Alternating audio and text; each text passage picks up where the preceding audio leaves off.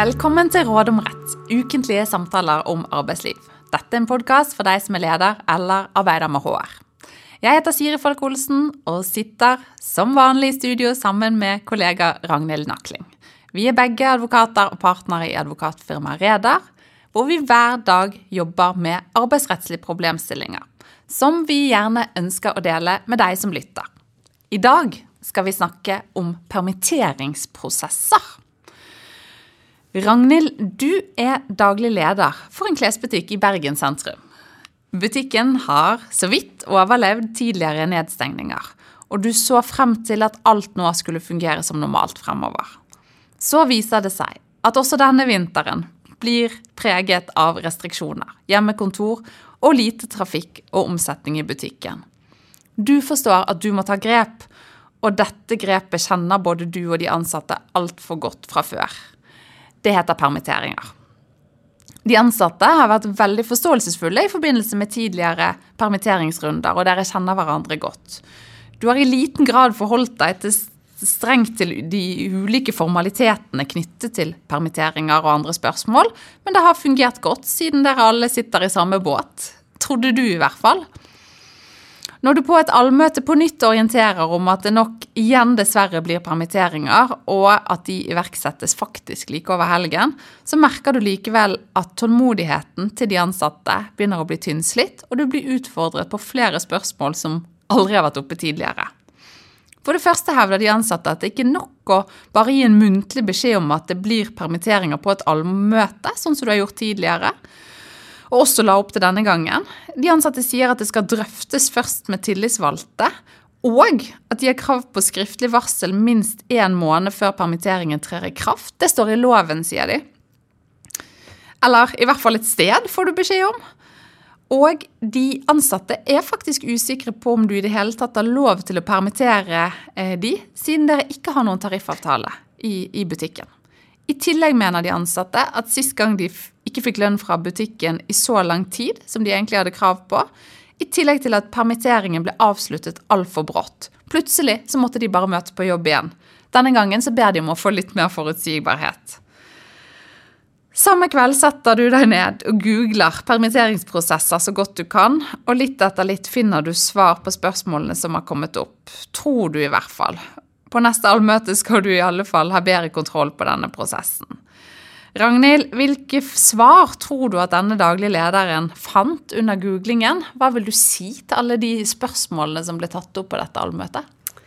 Nei, det er jo ikke helt godt å si hva hun fant frem til, men vi må jo regne med at hun er såpass oppegående at hun bare har stolt på informasjon fra relevante nettsider, i hvert fall. Og da må hun nok ha klart å finne frem til svaret på spørsmål om permitteringsvarsler, i hvert fall, tenker jeg. Ja, det kan jo virke som at eh, den daglige lederen hoppet litt bukk over dette sist, kanskje også fordi at disse reglene har jo blitt justert flere ganger i forbindelse med koronapandemien. Men kan ikke du si litt hva gjelder om dette med kravet til et permitteringsvarsel? Ja, Det ene som er helt utvilsomt, men også ganske selvsagt, da, det er at varselet skal være skriftlig.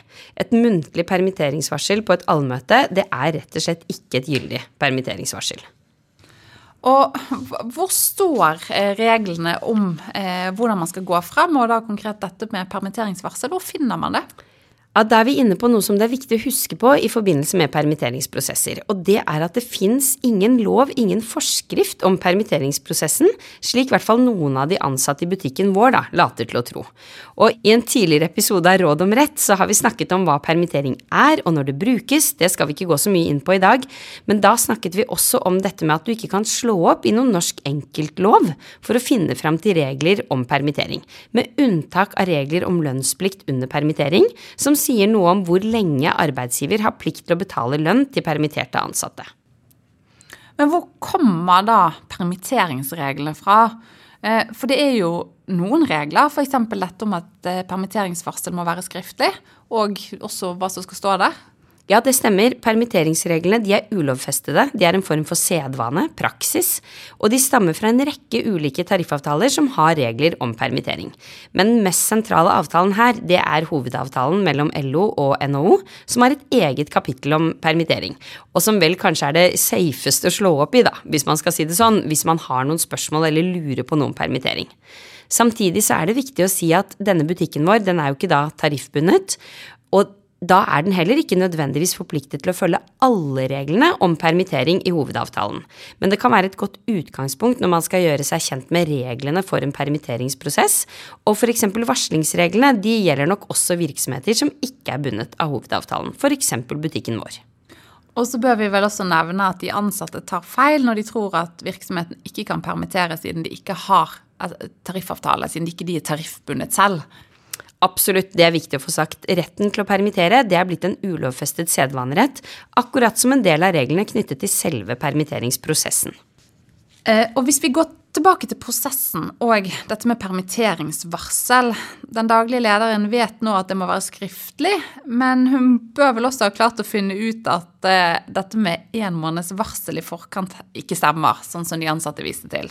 Ja, det bør hun ha klart å finne ut av. I utgangspunktet så skal arbeidsgiver varsle skriftlig, som sagt, om permittering 14 dager før permitteringen blir iverksatt. Hovedavtalen har noen andre frister i spesielle situasjoner. Eksempel så gjelder det kun en todagersfrist ved såkalt force majeure, store uforutsette hendelser som naturkatastrofer eller enda mer nærliggende for oss, i begynnelsen av en uforutsett pandemi, eller om det helt plutselig kommer en britisk mutant. Men som hovedregel så er varsling betalingsfristen 14 dager. Ja. Eh, og det er jo litt rimelig for de ansatte at de skal få en viss tid. Absolutt. Det er det. Og Hva slags informasjon skal dette permitteringsvarselet inneholde? Hva må man passe på å ha med i et permitteringsvarsel? Det er en del, men ikke veldig omfattende. Det man må passe på å ha med et permitteringsvarsel, det er hvorfor man permitterer ansatte, hvilken dato permitteringen varsles, og det er jo ganske selvsagt, det er dagen da brevet eller e-posten går ut. Hvilken dato permitteringen starter, og hvor lenge den vil vare. Det første er jo ganske enkelt, det er 14 dager etter at du har sendt varselet, men det andre er kanskje ganske vanskelig å angi. Og så skal man si, eller ha da navnet på den som blir permittert, og om personen blir permittert helt eller delvis. Varselet må også signeres av arbeidsgiver. Og når det gjelder hvor lenge permitteringen skal vare, så syns jeg at det er viktig å minne om det helt grunnleggende, eh, som ikke er tema for denne episoden, men, men, dette med at bruk av permittering forutsetter at det er snakk om en midlertidig, forbigående situasjon. Det er viktig å si. Det må ligge til grunn før man kan begynne en permitteringsprosess i det hele tatt. Men hva med dette eh, om drøftelser som, som, blir tatt opp av de ansatte på allmøtet? Må daglig leder drøfte om permittering skal iverksettes med tillitsvalgte før hun treffer beslutning, og eventuelt sender varsel om permittering? Ja, det, det, må hun. Jeg vil si at plikten til å drøfte nok også som utgangspunkt er en sedvaneregel som virksomheter uten tariffavtale også må følge. Virksomheter med tariffavtale, der står det jo som oftest i tariffavtalen at de må gjøre det. Så det bør den daglige lederen gjøre. Hun kan jo da huske på at det med å drøfte, det betyr å diskutere, ikke å forhandle. Den endelige beslutningen om det skal permitteres eller ikke, den treffer arbeidsgiver alene. Og for virksomheter med mer enn 50 ansatte så vil jo en sånn drøftelsesplikt også følge arbeidsmiljøloven kapittel 8, som sier at arbeidsgiver skal informere om og drøfte spørsmål av betydning med arbeidstakernes tillitsvalgte. Og permittering er jo helt klart et spørsmål av betydning. Og her er det viktig å legge til at når man snakker om tillitsvalgte, eh, så vil det jo være bedrifter som ikke har tillitsvalgte, men som har andre ansatte representanter. Kanskje et arbeidsmiljøutvalg osv. som det kan være naturlig å drøfte med. Helt enig. Så legger vi til grunn da at daglig leder drøfter eh, spørsmål om permittering, treffer beslutning og sender eh, permitteringsvarsel med korrekt innhold. Og da er permitteringene gyldig og i gang. Blir det sånn? Nesten. Eh, daglig leder må også huske på å sende melding til Nav, og det finner man på et eget skjema som ligger på nettsidene til Nav. Men så kom det også opp et spørsmål om hvor lenge de permitterte skal motta lønn fra arbeidsgiver. Og det er jo som oftest en betydelig forskjell på å motta full lønn fra arbeidsgiver og dagpenger fra Nav, som, som man gjør i resten av permitteringsperioden. Hva tror du at daglig leder har funnet ut av der? Ja, hun kan nok ha googlet seg fram til mange ulike svar, det er også avhengig av hvilke nettsider hun har vært på, men jeg håper hun har funnet fram til lov om lønnsplikt under permittering, hvor utgangspunktet, i dag i hvert fall, februar 2021, er at arbeidsgiver skal betale lønn og annet arbeidsvederlag som normalt i en periode på ti dager fra og med den første permitteringsdagen. Deretter så overtar Nav. Og er det noe unntak fra, fra dette? Det er det. Ved force majeure, altså brann, ulykker, naturkatastrofer, så gjelder det ingen arbeidsgiverperiode. Heller ikke ved arbeidskamp, men det er jo ikke tilfellet i vår sak. Og er det her noen spesialregler for lønnsplikt når det gjelder permittering grunnet korona? Ja, Det som i hvert fall har skjedd, det er at denne loven er blitt endret flere ganger etter at koronapandemien kom. Før mars 2020 så var arbeidsgiverperioden 15 dager. Så ble den senket til kun to dager for permitteringer som ble iverksatt mellom 20. mars og 1. september 2020. Og så økte man arbeidsgiverperioden til ti dager, men som altså fortsatt er fem dager kortere enn det den var før pandemien. Ja, eh, og når det gjelder dette temaet, så, så, er det jo vanskelig å si hva som vil gjelde i morgen. Eller akkurat når du som lytter, lytter til denne episoden. Eh, så det er vanskelig å si noe om. Så her er det viktig å si at den daglige lederen bare får innstille seg på at akkurat nå, i hvert fall, så er det en lønnsplikt eh, i ti dager som gjelder for hennes virksomhet. Ja, det er det. Og så får hun videre google seg fram til noen av de situasjonene som kan forskyve arbeidsgiverperioden, f.eks. sykdom. Og mens de ansatte er permittert, så har jo eh, ikke arbeidsgiver så mange forpliktelser relatert direkte til prosessen, Ragnhild. Men når eh, permittering avsluttes, så var jo det noen av de ansatte som følte at det sist gang kom litt for brått på. Eh, her er jo det en situasjon som man håper er forbigående, eh, og forhåpentligvis blir de ansatte snart kalt tilbake på jobb. Men hva er arbeidsgivers forpliktelser når det gjelder informasjon om at permittering avsluttes? Eh, må man varsle dette på en bestemt måte som arbeidsgiver? Det kommer an på. Hvis man i varselet spesifikt har angitt permitteringsperioden, så møter man jo på jobb igjen dagen etter at perioden er utløpt. Men så er det mange ganger man ikke har angitt det spesifikt i varselet. Det vil nok ofte vi ha gitt råd om også, fordi det er usikkert hvor lenge dette vil vare.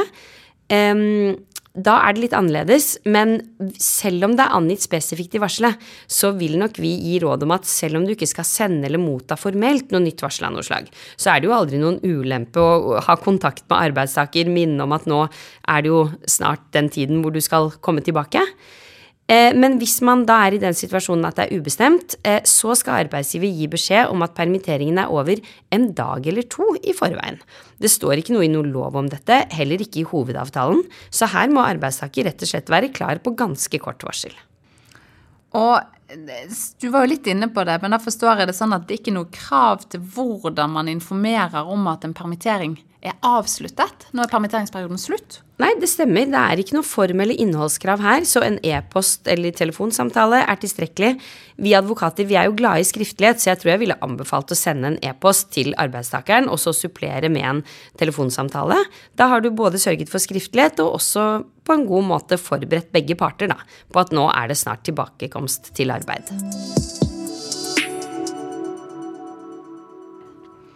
Og vi avslutter som vanlig, Ragnhild, eh, med tre ting man må huske på når det gjelder permitteringsprosesser. Det første er at du må huske å drøfte med tillitsvalgte eller andre arbeidstakerrepresentanter før du treffer beslutning om at noen ansatte skal permitteres. Det andre er at du må huske på å sende formriktig varsel med nødvendig innhold til dem som skal permitteres. Og det tredje er at du må huske å sjekke hvilke regler som gjelder for varslingsfrist, lønnsplikt og andre formaliteter når du gjennomfører permitteringen. Ikke hvilke som har vært gjeldende tidligere. Disse reglene kan godt ha blitt endret siden siste permitteringsrunde, og også siden vi spilte inn denne episoden. Og så vil jeg avslutte med å si at skulle dere ha innspill til podkasten eller spesifikke ønsker om temaer vi kan ta opp, så hører vi gjerne fra dere. Da kan det sendes en mail til sifa.raeder.no eh, og rana.raeder.no. Det var det vi hadde i dag. Vi kommer tilbake med nytt tema og nye tips i neste episode.